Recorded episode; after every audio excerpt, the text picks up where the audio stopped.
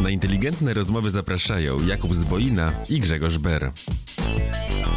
Cześć, witamy w dzisiejszym odcinku. Prowadził go będzie Kuba. Sam jestem ciekawy, ponieważ mimo usilnych starań nie do końca rozumiem temat. Cześć, witajcie. Dzisiaj odcinek, tak jak zwykle, to jest w naszym cyklu bardziej techniczny. Dzisiaj będziemy sobie rozmawiać o macierzach rzadkich. Tu proszę, nie uciekajcie wy wszyscy nietechniczni, bo nie ma w tym nic strasznego. Przedstawimy temat tak, żeby był dla was jak najbardziej przystępny. Dla ludzi zainteresowanych sztucznymi sieciami neuronowymi postaramy się dać trochę głębszych insightów do tego, jak to działa i dlaczego te mechanizmy są ważne. I będziemy mieli też parę anegdotek, które będziecie mogli użyć w swoim codziennym życiu. Także zapraszamy serdecznie do wysłuchania audycji. A na dole w wypisie filmu znajdziecie definicję słowa insight. Dokładnie tak. Więc zaczynamy. Grzegorzu, mówisz, że nie do końca wiesz o co chodzi, więc zaczniemy sobie może od samego początku, od e, takich podstaw podstaw. Wiesz czym jest macierz matematyczna? Tak. Rozumiesz Ta- pojęcie taka macierzy? Tabelka. Taka tabelka, w niej są, to, to jest e, jakby nie, nie pojedyncza cyfra, tylko zbiór liczb, który jest zapisany, okraszony jakimś rozmiarem przede wszystkim. To jest tutaj istotne. Ma to ileś kolumn i ileś wierszy. Dlatego korzystamy w sieciach neuronowych e, z takiego podejścia macierzy, ponieważ działania wykonywane na macierzach są bardzo efektywne obliczeniowo. Czyli dużo szybciej jesteśmy w stanie wykonać wiele operacji na liczbach, jeśli ubierzemy je w macierze. Czy ma to coś wspólnego z kartami graficznymi? Mówiłeś, że szybciej się na tym liczy. Jak najbardziej z kartami graficznymi. Karty graficzne działają dla macierzy jak sito. Procesor, wszystkie operacje zmiennoprzecinkowe. Zmiennoprzecinkowe, czyli te, które wykonujemy na y, liczbach, czyli tam mnożenie, dzielenie i całą resztę. Musimy wykonywać jedna liczba za drugą każdy z tych obliczeń. Na macierzy, jeśli mamy na przykład, na, na, na karcie graficznej, jeśli mamy macierz dla łatwości 10 na 10, czyli po prostu ona ma 10 kolumn, 10 wierszy, wtedy wszystkie 10 obliczeń jest robione naraz, w jednym momencie. W taki sposób działa karta graficzna, dlatego jest bardzo efektywna. Samo to, dlaczego karty stosujemy w właśnie sieciach neuronowych, które są oparte o macierze, bierze się tak naprawdę z gamingu, czyli z tego, po co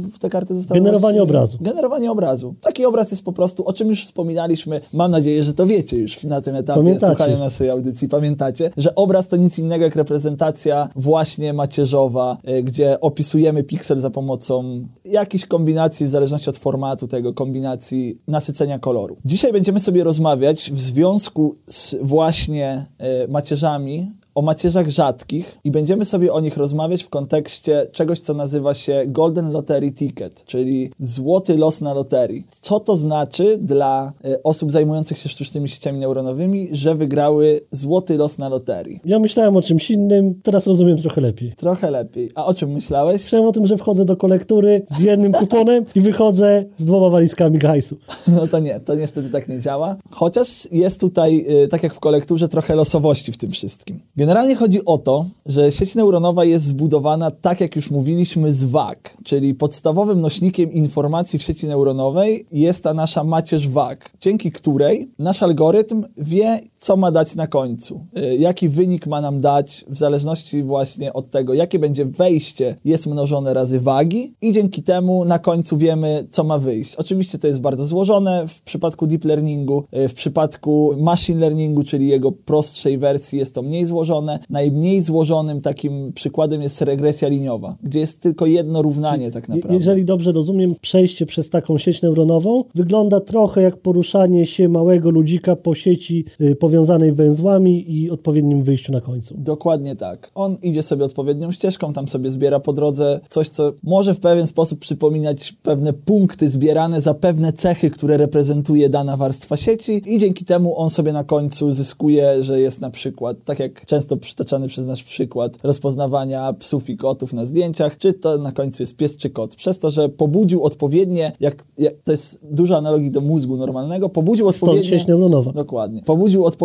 neurony po drodze, które wskazywały mu, że to powinno być, y, taki wynik powinien być, czyli powinien być to pies albo kot. Teraz o co chodzi? Taka macierz wag, która jest w naszej sieci neuronowej, może i z dużym bardzo prawdopodobieństwem będzie zawierała sporo zer. Czyli jeśli będzie zawierała sporo zer, czyli takich wejść, które nie podają żadnej informacji dalej. Jeśli wejście Nie warto iść tą pomnożymy- drogą. nie warto iść tą drogą. Jeśli wejście pomnożymy razy 0, to możemy sobie wyobrazić, że nic nam to nie daje daje. Nie musimy być tutaj ekspertami od matematyki. Wszystko razy zero daje zero. Czyli upraszczając, trochę patrząc na to jak na drzewo decyzyjne, wchodzę, pierwsze pytanie, czy pływa tak, czy pływa pod wodą, drugie pytanie nie, to nie jest kod, czyli zero, wychodzimy. Trochę tak, trochę, trochę na tej zasadzie to działa, jak najbardziej. Tu jest nawiązanie jeszcze, żeby bardziej przypomnieć proces, nie będziemy tego może tłumaczyć drugi raz. Jeśli komuś bardzo będzie się chciało dowiedzieć, jak wygląda macierz wag, taka i co polega, w pierwszym odcinku to bardzo dokładnie poruszyliśmy, jak to wszystko wyglądało. Także zachęcamy, odsyłamy, może nawet jeśli wszystko dobrze pójdzie, to umieścimy gdzieś tutaj na ekranie kartę, żeby cofnąć się do tego fragmentu, jeśli ktoś będzie chciał to zobaczyć. Możemy sobie wyobrazić, że w, takich, e, w takiej naszej całej macierzy wag mamy te zera, no to mamy również wartości bliskie zeru. Czym się różni wartość bliska zeru od wartości zerowej? Że jest bliska zeru, nie jest zerem. Dokładnie, czyli trzeba wykonać obliczenie, trzeba już wykonać jakąś matematykę, żeby dostać wynik, który idzie na końcu. Że wyko- wykonanie obliczenia ma sens. Dokładnie. Czyli wykonanie obliczenia musi zajść przede wszystkim. I teraz to, co poruszyłeś, czy ma sens? No, w większości przypadków znikomy sens będzie miała, bo pobudzenie neuronu będzie na tyle niskie, że nie będzie wpływało na, os- na, ostateczny, na ostateczny wynik tak naprawdę y, tego, co sieć neuronowa nam wypluje. Ja tu już widzę taką sieć połączeń z rozbłyskami gdzie niegdzie. Gdzie nie. No, to Nie, jest... niektóre, niektóre są słabsze, niektóre są mocniejsze. Dokładnie. Nam zależy na tych silniejszych. Nam zależy na tych silniejszych. Więc teraz, tak jak w kontekście wcześniej mówiliśmy dużych danych, łatwo sobie jest wyobrazić, że pojedyncze obliczenie nie sprawia nam żadnego problemu. Jest to łatwo zrobić. Ale przy sieciach neuronowych, gdzie tych iteracji jest miliony i liczba parametrów, czyli tego, co znajduje się w sieci neuronowej, czyli tak naprawdę ilości obliczeń w cyklu takiej sieci neuronowej, no jest ogromna. Więc każda akumulacja kolejnego obliczenia, kolejnego tego czasu wydłuża znacznie proces i trenowania, i inferencji. Trenowanie jest zrozumiałe, inferencja to jest proces, w którym wy, do wytrenowanej już sieci wrzucamy pewien input, który ma da, na podstawie tego treningu ma nam dać już odpowiedź tego, co ta sieć zrobiła. Mówiąc po ludzku, weryfikujemy, czy sieć została dobrze nauczona. Tak, to jest inferencja walidacyjna bardziej, ale tak, no nie, weryfikujemy Upraszczaj- jest tutaj. Upraszczajmy dla tych, którzy zostali, upraszczamy. Upraszczamy. Nadal nie przejmujcie się. Zrobi Wszystko się, będzie, jeszcze, wszystko będzie jeszcze bardziej skomplikowane, a na końcu jasne. zrobi się trochę jeszcze trudniej, ale będziemy szli w dobrym kierunku. W kontekście tematu naszego odcinka, czyli loterii, czyli tej złotej loterii, tego, co moglibyśmy chcieć dostać, to jeszcze nie do końca tutaj jest ta idea zarysowana, bo na razie wybraliśmy sobie. My wiemy, co chcemy zrobić, żeby zredukować liczbę obliczeń. Do tego zmierzamy. Zmierzamy do optymalizacji. do optymalizacji. Tylko, że na razie patrzymy sobie na wagi, które są bliskie zeru. I te wagi możemy wyzerować po to właśnie, żeby nasza sieć neuronowa nie musiała wykonywać żadnego obliczenia. I to jest tutaj ciekawe w y, kontekście samych tych właśnie macierzy rzadkich, że jeśli to nie jest zero, jeśli waga nie jest zerem, to obliczenie musi zajść. Ale jeśli jest zerem, to istnieje już mechanizm, który pozwala całkowicie pomijać te obliczenia. Karta graficzna, i to zostało zaim- zaimplementowane w najnowszej edycji tutaj kart graficznych od NVIDIA, wie, że jeśli jest zero, to można pominąć cały ten, całą gałąź już sieci neuronowej, bo wiadomo, że ona donikąd nie będzie prowadziła. Ale czy wysyłamy jakiegoś posłańca po tej ścieżce, on sprawdza, czy gdziekolwiek występuje On po zero? prostu wie, że jeśli są zera w tej macierzy rzadkiej, to już nie należy nawet mnożyć razy zero. On wie, że nie mnożymy razy zero. Po prostu jeśli jest zero, to on już wie, że na końcu jest zero. Nie zachodzi obliczenie samo w sobie. Dlatego to się bardzo przyspiesza. I to są macierze rzadkie. Tutaj wspomnieliśmy o macierzach rzadkich. Ale wracając do tematu złotej loterii. Podejścia są dwa. Pierwsze to jest trenowanie całkowicie nowej sieci, czyli losowanie wag totalnie znikąd. Totalnie losowanie, losowe. losowanie. losowanie. To jest dziwne swoją drogą, tak jak losowanie losowych wag. No nie ma, nie ma sensu. Ma, masło maślane, fakt autentyczny. Zastanawiam się, jak to powiedzieć. Nie wiem nadal, jak to ubrać tak naprawdę.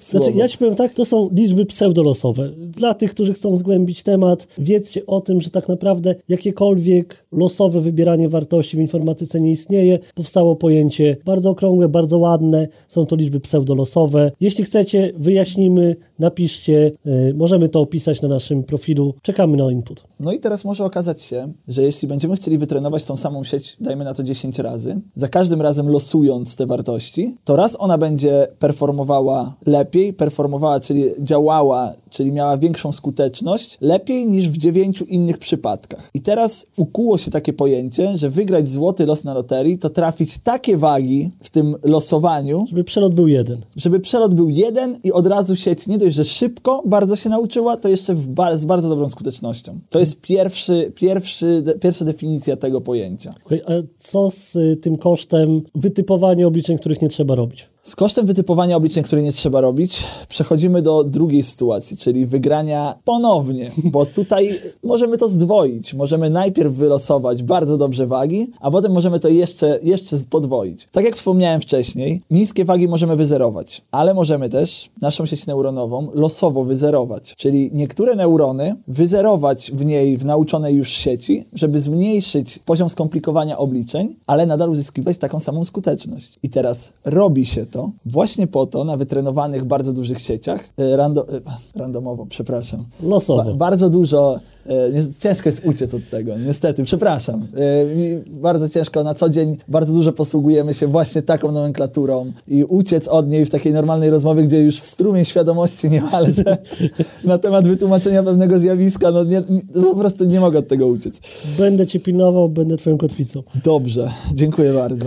Losowo, losowo wyrzucamy, wyrzucamy wagi. Generujemy sobie takich y, losowych zbiorów tych wag naszych, już wytrenowanych wcześniej, pamiętajmy. Mamy sieć, która już została wytrenowana, która po, powiedzmy ze skutecznością 90% rozpoznaje kotki i pieski. Ale rozpoznanie jednego obrazu pojedynczego w tej sieci trwa na przykład jedną sekundę. Teraz, jeśli zmniejszylibyśmy te wszystkie wagi o połowę, powiedzmy, czyli połowę tych wag byśmy wyzerowali, jak pamiętamy tutaj nadal mechanizmy tych macierzy rzadkich mają bardzo dużą, e, bardzo duże pole do popisu, właśnie dlatego, że one przepuszczają obliczenia zerowe dalej, mogłoby się okazać, że skrócilibyśmy ten czas o połowę tej inferencji właśnie, czyli rozpoznania tego, co powinno nam wyjść. I teraz przeprowadza się takie badania na sieciach neuronowych, czy możemy to zrobić. Ile takich wag możemy wyrzucić, żeby nasza skuteczność nie spadła Żeby nie przesadzić. o za wiele, tak. I to jest właśnie ten sposób wygrania na loterii tego złotego biletu. I tutaj nie przez przypadek jest słowo loteria, jako że bardzo duża część pracy nad sztucznymi sieciami neuronowymi jest loterią naprawdę. To nigdy nie jest tak, że wie się co, wiesz co masz zrobić, klik i to będzie działało. W taki sposób, w jaki chcesz. To nie jest programowanie. Jasne, to nie jest deterministyczne. Zwłaszcza, zwłaszcza, że mamy do czynienia z blackboxem. Ja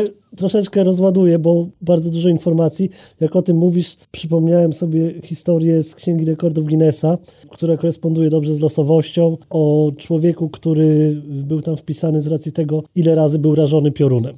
Może, może... strzelaj. No nie wiem, trzy razy. Jeden facet był rażony 13 razy piorunem. Ale i przeżył? Przeżył. Niestety skończył tragicznie, ponieważ popełnił samobójstwo z powodu niespełnionej miłości. Przepraszam, zupełny off-topic, ale o losowości. O losowości jak najbardziej. To jest też niemożliwe, ale mówi się, że masz większą szansę na to, że zostaniesz uderzony piorunem niż wygrasz w lotka. Więc tak z sześć razy mógłby wygrać. Więc to, to jest ten nasz złoty los na jakby Nikomu było, nie życzymy. Jakby było połowę mniej. Zanim przejdziemy dalej, musimy wspomnieć o jeszcze jednej rzeczy. Takiej, która trochę nakreśli nam tło do dalszego przedstawienia wyników właśnie na temat badania nad tym Golden Lottery Ticketem. Ro- Rozumiem, że chcesz użyć przykładu z życia, przykładu y, jednego z naszych projektów. Dokładnie tak, dokładnie. Ten projekt, który realizujemy wspólnie w murach naszej firmy, e, projekt, który dotyczy NLP, czyli przetwarzania języka naturalnego. E, Przez wiele lat takie sieci neuronowe były budowane na podstawie modeli LSTM, czyli Long Short Time- Memory, która pamięta, jeśli chodzi o wytłumaczenie tego w jak najprostszy sposób, jest to sieć neuronowa, która jest w stanie zapamiętać sekwencję. Ona wie, co się wydarzyło chwilę wcześniej i dlatego jest w stanie budować dalszy ciąg. Generalnie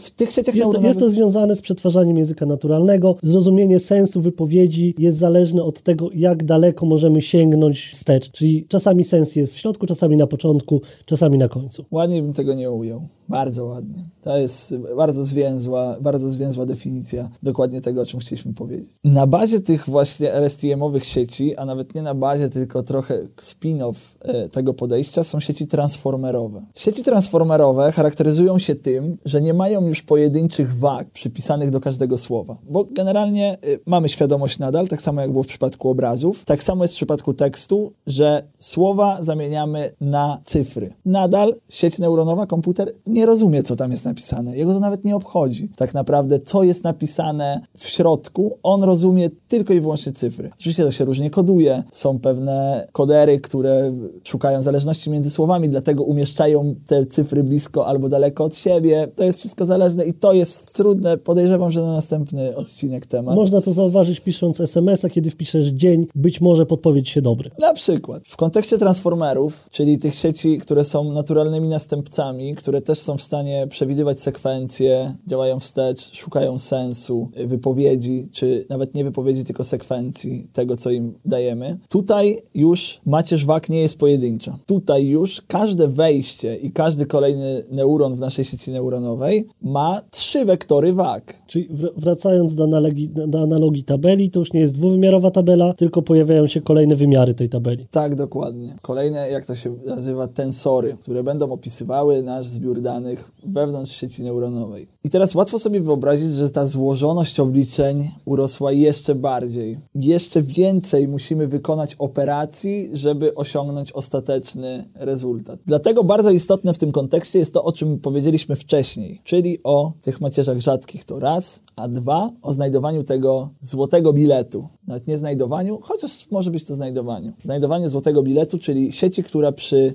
mniejszej liczbie parametrów da nam dokładnie taki sam wynik. I teraz najbardziej popularną siecią taką do przetwarzania tekstu jest sieć BERT, o której słyszałeś, opowiadałem Ci o niej Jak ja. Która realizuje dziewięć zadań postawionych przez językoznawców, które powinny realizować dobra sieć, która jest w stanie sprostać zadaniom językowym. Co też jest bardzo ciekawe w tym kontekście, że zobacz, że wszystkie poprzednie sieci, o których rozmawialiśmy, przy rozpoznawaniu obrazów, rozpoznawanie obiektów, czy nawet systemy ekspertowe, one są szkolone do jednego zadania i potrafią wykonywać tylko jedną tą pracę, czyli to jedno zadanie. Nawet to nie jest, że w kontekście czegoś, tylko to jedno zadanie, do którego zostały wyszkolone. Taka sieć jest w stanie wykonać, ten BERT jest w stanie wykonać z bardzo wysoką skutecznością wszystkie te dziewięć zadań. W badaniu, które chcę przytoczyć, naukowcy zajmujący się problemem Golden Lottery Ticket w kontekście sieci BERT w niektórych zadaniach wyrzucili nawet 90% wag, czyli wyzerowali je, a nadal byli w stanie osiągnąć skuteczność nie gorszą niż 2% od bazowej, czyli przy całej sieci. Możesz sobie sam wyobrazić, jak dużo obliczeń zredukowali, wyrzucając tak dużą ilość wag. Teraz w kontekście mechanizmów, które umożliwiają całkowite pomijanie tych wartości zerowych, jesteśmy w stanie bardzo zmniejszyć złożoność obliczeń, a jak wiadomo, jest to bardzo mocno przekładane na pieniądze.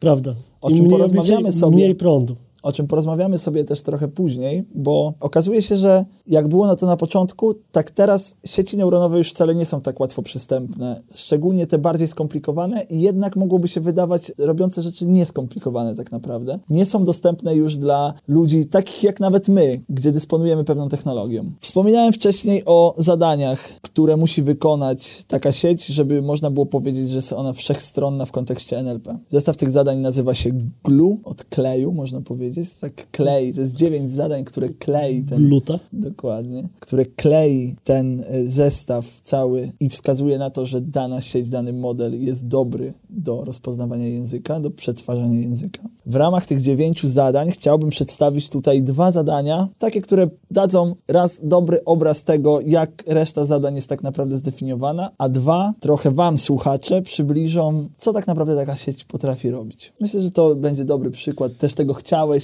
żeby tutaj Że nawet ja zrozumiem. że nawet ty zrozumiesz. Zadania są opisane tutaj skrótowcami, więc nie będziemy w to za bardzo wnikać. Pierwsze zadanie jest takie. Są wzięte fragmenty z Wikipedii tekstu. Do tych fragmentów, to są pary jakby, do tych fragmentów są zadane pytania. Sieć musi sprawdzić, czy dany fragment zawiera odpowiedź na to pytanie. Jak sobie możesz wyobrazić, nie jest to wcale takie trywialne zadanie. Y, Bez wątpienia, jeżeli w pytaniu jest mało wskazówek, y, które powtarzają są w odpowiedzi. Typu pytanie, która jest godzina, a w zestawie mamy jest godzina 12, pewnie łatwo znaleźć taką odpowiedź. Pewnie łatwo, ale jak sobie A możesz... pytanie, która jest, jeżeli to skrócimy, to już trudno znaleźć, bo nie wiem, która jest ubrana w zieloną sukienkę, czy która jest godzina. To jest prawda, to co mówisz i dlatego właśnie sieci neuronowe te właśnie słabiej działają w języku polskim zdecydowanie, bo my dużo pozostawiamy w domyśle. Czasami podmiot zostawimy w domyśle, e, także gorzej to rze- rzeczywiście działa. Ale czy możesz strzelić, z jaką skutecznością BERT jest w stanie stwierdzić, czy w danym fragmencie jest odpowiedź na dane pytanie? Jaka skuteczność takiej sieci jest? Mówimy o języku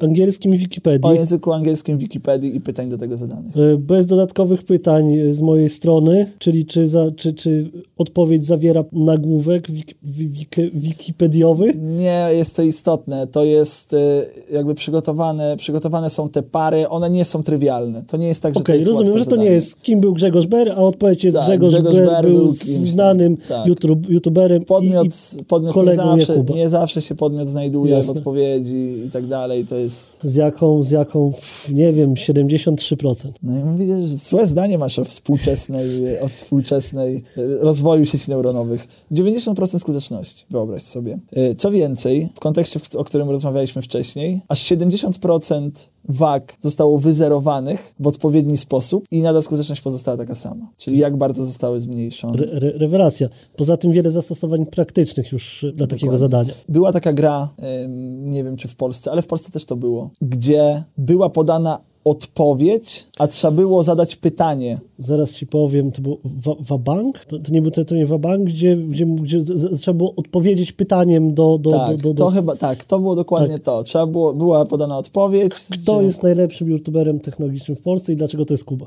Dokładnie, czyli byłoby Kuba. Kto jest najlepszym youtuberem technologicznym? To by było Dokładnie dokładnie, tak. w tej grze. I właśnie z takim zadaniem też świetnie by sobie poradziła ta sieć. To też zostało przetrenowane. Czyli tutaj widzimy, że... Z, zresztą, jak pamiętasz, w tym teleturnieju też wygrał superkomputer. I to w tym właśnie amerykańskim. Jeopardy się chyba nazywało y, ta amerykańska wersja. Drugie zadanie, które też będzie bliskie wszystkim, którzy korzystają z internetu i szukają odpowiedzi na coś, a przede wszystkim, którzy sami chcą zadać. Tu możemy się cofnąć o, y, wspominaliśmy o Stack Overflow wcześniej, bo drugi, y, drugie zadanie, które chcę wam przedstawić, to jest zadanie, które składa się z par pytań. Sieć neuronowa ma stwierdzić, czy pytanie numer dwa jest duplikatem pytania numer jeden. Czyli wracając do naszego przykładu, która jest, która jest godzina, czy są te same pytania? Dokładnie. Czyli inaczej są zbudowane tak naprawdę, ale sieć neuronowa próbuje się domyśleć, domyśleć. Ona stwierdza z pewnym prawdopodobieństwem, czy to jest duplikat, czy nie. Tak jak wspominaliśmy wcześniej o właśnie Stack Overflow, y, gdzie tych pytań zada- zadaje się bardzo dużo, to jest bardzo przydatne. Nawet takim zresztą to zadanie w ogóle powstało na bazie forum, które nazywa się Quora. To jest tam angielskojęzyczne forum właśnie, gdzie ludzie mogą zadawać pytania na różne tematy. I tam się to bardzo... Przy... Jeśli chciałeś coś zadać, nie musiałeś używać wyszukiwarki, zaczynałeś zadawać pytanie, a on ci wypluwał, to jest duplikat pytania Znaczy, no innego. jest Ktoś już o to pytał. Kla- klasyczny, klasyczny problem na każdym forum i w każdej grupie. Użyj Google, użyj wyszukiwarki, takie pytanie już było. Dokładnie. To tutaj sieć neuronowa jest w stanie w całej bazie przeszukać sobie tą bazę i nawet jeśli pytanie nie zadaliśmy tak samo, to ona znajdzie, znajdzie nam na to odpowiedź. Tutaj jest jeszcze lepiej sytuacja wygląda, bo tutaj już nie będę cię zamęczał pytaniami o skuteczność. Tutaj również 90% skuteczności, z tym, że w tym zadaniu wyzerowaliśmy, badacze wyzerowali 90% wag, czyli tak naprawdę 10% tylko tej sieci neuronowej zostało i nadal jest w stanie świetnie performować w tym zadaniu, ze świetną skutecznością odpowiadać. Oczywiście wiem, co myślisz i myślisz bardzo dobrze, że jeśli sieć neuronowa nasza ma wykonywać wszystkie 9 zadań w tak dobrym e, układzie, ona musi mieć dużo parametrów. Więc nie dziwi nikogo, że zerowanie dla jednego zadania tych y, wag jest tak skuteczne. W kontekście tekstu, wektorów jednowymiarowych, ważnym zadaniem jest też dopowiadanie dalszego logicznego sensu do pewnej historii. Czyli przedstawiamy historię, sieć neuronowa jest w stanie sama zbudować do pewnego momentu bardzo zwięzłą historię dalej, na bazie tego, co widziała wcześniej. Czyli na bazie tego wprowadzenia, które my daliśmy, ona zbuduje nam dalej historię. Czyli mówimy teraz o tworzeniu generatora treści. Generatora treści. To jest to, co wspominaliśmy w poprzednim odcinku, czyli ten nie tak sz- sztuczna inteligencja, gdzie właśnie pewną sztukę starali się tam badacze y, przedstawić, wygenerowaną właśnie przez komputer. Dlaczego o tym wspominam? Dlatego, że żeby pokazać, jak jeszcze bardziej wszechstronna jest taka sieć. Mówiliśmy sobie o tekście, o sekwencji, wektorze jednowymiarowym. Weźmy teraz obraz. Jak wiemy, obrazy są dwuwymiarowe. Jednak w pewien sposób jesteśmy w stanie przełożyć je do jednowymiarowych ciągów tak naprawdę sekwencji. Teraz badacze wzięli sobie takiego transformera, wzięli sobie model GPT-2, czyli już trochę przestarzały, teraz jest model GPT-3, to jest y, poprzedni poprzedni przed Bertem, co najlepiej działało, GPT-3 podobną skutecznością, też jest opierany na te dziewię- od, od, od 9 zadań. Wzięli obrazy i sprawdzili, czy jeśli damy tylko pół obrazu, najpierw wytrenowali oczywiście sieć y, z wieloma parametrami, tam y, masowe liczby szły, czy jeśli dadzą obraz odpowiednio zakodowany, to będzie w stanie dokończyć ten obraz sieci Do, domalować nóżki. Dokładnie. Tak samo jak historię opowiadaną. Okazuje się, że tak. Z bardzo fajnym e, w ogóle skutkiem to powstało, bo te obrazy są naprawdę zaskakująco dobrze przygotowane, dobrze rozpoznane. Oczywiście nie opłaca się używać tej sieci w kontekście rozpoznawania samych obrazów czy dokończania. Są dużo lepsze architektury, konwolucyjne sieci neuronowe będą lepiej performowały, nie trzeba będzie do, e, dopinać do nich, e, specjalnie przygotowywać datasetów i tak dalej. Ale tutaj chciałbym, żeby e, na koniec naszego spotkania, żebyśmy poruszyli temat bardziej otwarty. Że jeszcze zadam Ci jedno Dobrze. pytanie. Jak wyglądało porównanie pełnego rzeczywistego obrazu z takim wpół dogenerowanym? Bo na pewno taki eksperyment, nie, nie wiem czy, czy, czy wiesz, no, no, taki eksperyment na pewno został zrobiony, że po- pokazano, nie wiem, pół Monalizy i czy drugie pół no, Oczywiście. pokrywało się z tym, co z, pie, z pierwowzorem. Zapraszamy na naszą grupę. Tam wrzucimy, y, jak to wyglądało. Oczywiście są przygotowane obrazki do połowy ucięte, potem to, co wymyśliła sobie sieć neuronowa i na końcu rzeczywisty obraz. I sam też zobaczysz Super, sobie... nie znam tego eksperymentu, jestem bardzo ciekawy. Tak, zobaczysz sobie po programie tutaj, żeby można to było sprawdzić od razu samemu, to się nazywa IGPT, czyli od image jest początek i potem jest GPT i to sobie można zobaczyć. Każdy niech sobie GPT od GPT. tak, do, dopóki nie wrzucimy tego y, GPT, od GPT, no od sieci, tak, jak to, to, GPT-2, także faktycznie. tak, każdy będzie mógł sobie sam zobaczyć, bo mnie też to autentycznie bardzo zaciekawiło, jak y, ta sieć sobie z tym poradziła i naprawdę ja jestem w szoku, jak dobrze to powstało. Do, na tyle dobrze sobie poradziła z tym, że twórcy modelu nie udostępnili tego. Nie udostępnili tego modelu dalej, w obawie przed tym, że pojawi się zbyt dużo fejków, deepfake'ów, które będą mogły rozumiem. być generowane na podstawie obrazu, gdzie coś się zadziało, a y, No- co nie jest prawdą. Dokładnie. Ostatnio widziałem deepfake'a wygenerowanego na podstawie zachowań i informacji zebranych o Tomie Cruzie, gdzie naprawdę nie da się rozróżnić, że to jest y, sztuczny twór. Prawda. I coraz bardziej w tą stronę idzie wszystko. Już nawet są aplikacje na telefon dostępne, które mogą ze zdjęcia, ruchome zdjęcie ci dać, gdzie to ty ruszasz ustami, jakby animujesz to zdjęcie w czasie rzeczywistym. I to jest bardzo niesamowite. I dlatego też twórcy sami przestraszyli się tego, żeby nie zostało to wykorzystane w złych celach, e, no i nie udostępnili tego. To też ta obawa, y, gdzie znowu twórca zostanie wyparty, tak? Gdzie, gdzie, gdzie, nie, będzie, gdzie nie będzie już potrzebny i, i, i, ktoś, i ktoś jego zastąpi. I gdzie niedoskonałości będziemy mogli tak naprawdę za pomocą sieci neuronowej też gdzieś tam wypełniać pewne miejsca. Już teraz y, Adobe na pewno w swoich, y, y, w swoich produktach i do edycji zdjęć i filmu używa sieci neuronowych do wypełniania chociażby usuniętych elementów. Teraz tak na koniec, żebyśmy już różną atmosferę mamy, skończyły się te trudne, trudne matematyczne tematy. Już Dla tych będzie. trzech osób, które z nami zostały, żarcik. Teraz przejdziemy sobie do czegoś, do czegoś e, znacznie luźniejszego, ja to już mogę zamknąć, odłożyć. Czy można powiedzieć, że w kontekście, w której sieć neuronowa jest w stanie dopowiedzieć historię lub dopowiedzieć obraz, czy możemy powiedzieć o kreatywności sztucznej inteligencji? Pytanie dobre, bo dość wydaje mi się, że łatwo można je odnieść do twórców, którzy inspirują się twórczością innych twórców. Ma to sens. Jeśli- Jakby nie brzmiało, ma to sens. Jeśli, jeśli, jeśli wie, mogę to zilustrować przykładem ze świata mody. Jak wiemy, moda powraca po 20, 15, 30 latach, w zależności od tego, jaki jest interwał, tak naprawdę nosi się dokładnie to samo. No, trudno jeszcze raz wynaleźć małą czarną, trudno jeszcze raz wynaleźć dzwony, to, to, to wszystko się pojawia. Wiele przykładów z obszaru muzyki też na pewno znasz. Wiem, że interesujesz się muzyką, sam coś tworzysz. Samo samplowanie. Czy samplowanie Dla tych, którzy nie wiedzą, co jest samplowanie, wykorzystanie innych, fragmentów innych utworów muzycznych y, po delikatnej przeróbce we własnej twórczości. Czy samplowanie jest kreatywne, czy nie jest kreatywne? Wydaje mi się, że to jest tego rodzaju pytanie. poukładanie tych sampli w sposób, w który wcześniej nie były poukładane, gdzieś tam jest na pewno pewną kreatywnością. Zresztą w stosunku do... To, to jest trudny temat, dlatego zadałem to na koniec, bo Bardzo, bardzo mi się podoba, bo to taki na koniec ki- kij w mrowisko. kij w mrowisko, bo y, ciężko nam będzie na pewno, na pewno do tego dojść. No, jak sam wiesz, w programie jest 12 dźwięków tylko. I te, poukładanie tych 12 dźwięków, nawet nie na samych samplach, tylko na czystych dźwiękach, no to czy poukładanie tych 12 dźwięków w innych kolejnościach to jest kreatywność? No, No, to, jest, wiesz, wszyscy no- możemy się z tym zgodzić. No, nie, no dokładnie tak, no, ale też, ale z drugiej strony no, no, odpowiedź jest taka, no, są, byli, byli impres, impresjoniści, tak no, generalnie styl w sztuce noszący pewne cechy. No to też byli kreatywni, tak? Nie można, nie można na to patrzeć w ten sposób, że pierwszy, który coś zrobił, to tylko ten był kreatywny, bo wtedy odbierzemy tak, tak, zdecydowanie. naprawdę y, większości populacji kreatywność. Pytanie jest, kiedy to jest plagiat, na ile jest to twórcze, na ile jest to twórcze, tak? Czyli na ile powstaje coś zupełnie nowego. No powstaje coś zupełnie nowego. I dlatego zadałem to pytanie. Zadałem to pytanie w kontekście naszego pierwszego odcinka, czyli cech inteligencji tak naprawdę. Tam poruszyliśmy sobie kreatywność. Nie wiedzieliśmy, jak to zdefiniować. Czy na bazie tego, co dzisiaj sobie opowiedzieliśmy, możemy stwierdzić, że tak naprawdę zalążek kreatywności już w sztuce Zalążek, zalążek na pewno. Zalążek, podbijam, zdecydowanie to jest zalążek kreatywności w No i tym sztucznej inteligencji. akcentem radosnym, bo sztuczne sieci, sztuczne sieci się rozwijają. W kontekście tego, co mówiliśmy w poprzednim odcinku i tego nie wiem, czy aż tak bardzo radosnym, Ale przecież my się nie boimy ani utraty pracy, ani, ani zagłady. a tak kreatywni naprawdę. jesteśmy bardziej niż każdy komputer. Dziękuję Grześ. Dzięki. Było bardzo fajnie.